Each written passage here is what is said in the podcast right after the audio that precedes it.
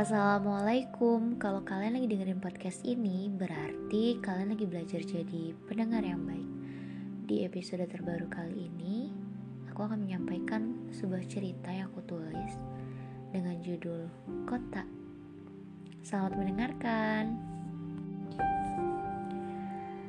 Langkah kakiku kerap dituntut Menuju tempat-tempat persinggahan yang mampu membuatku nyaman bukan hanya deretan perjalanan yang selalu kurekam dalam jejak persinggahan, namun bagiku setiap kota memberi lukisan wajah orang-orang yang selalu kurindukan.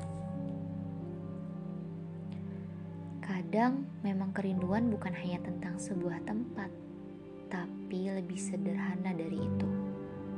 Kita merindukan suasana yang pernah kita alami dengan seseorang. Kamu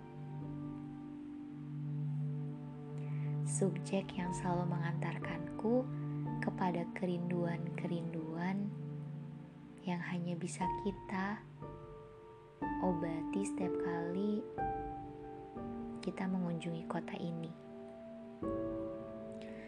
Kota yang selalu menawarkan hawa dingin di pagi hari dan malam hari, namun beberapa waktu teratasi dengan hangatnya percakapan kita kota yang selalu sesak dengan suasana saling mendahului satu sama lain dalam keramaian, saling bergegas berebut tempat duduk dalam angkutan kota. Siang hari yang rasanya begitu panas, polusi udara di mana-mana, sampai selayaknya kita sedang hidup dalam tabung kota yang saling berebut oksigen yang tersedia. Sontak selalu membuatku rindu. Rasanya jika diberi waktu dan kesempatan lain, aku ingin menjadi satu di antara berjuta penghuni kota ini yang menetap abadi. Tak ada walaupun pastinya setiap sudut kota telah tercampur dengan kerangan cerita-cerita aku dan dia.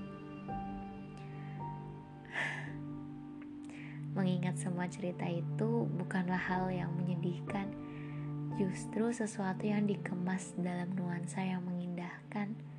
Setidaknya, salah satu titik di kota ini kita pernah berbagi cerita.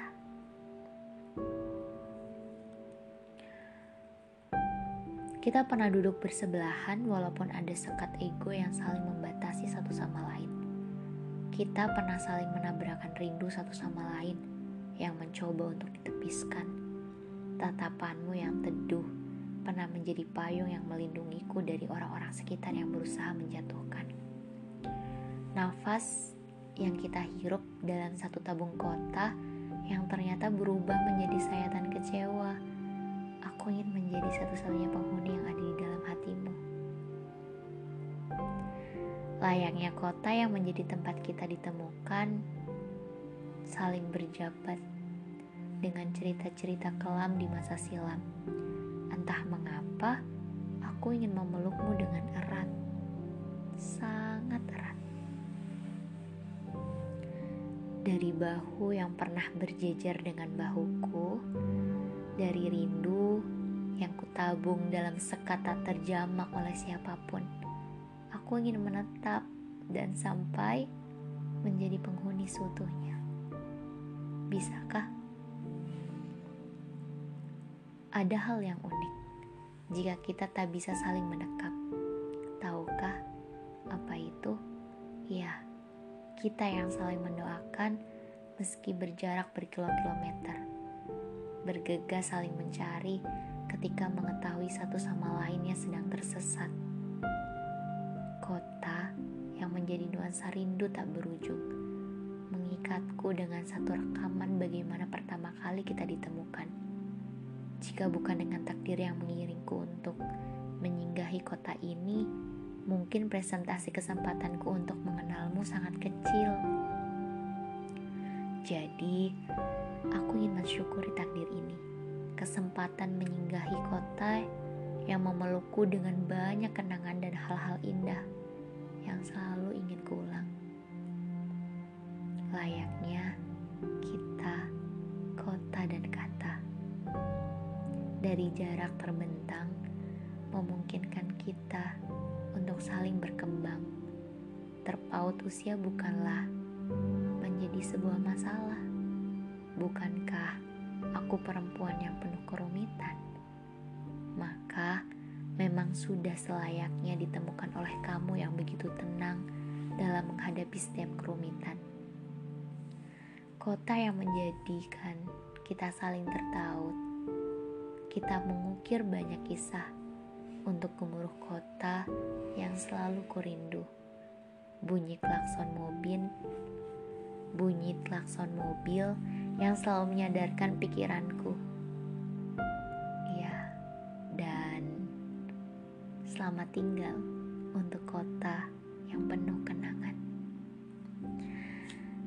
Oke ya teman-teman, jadi salah satu judul yang aku tulis dalam buku deret rasa ini itu berjudul kota.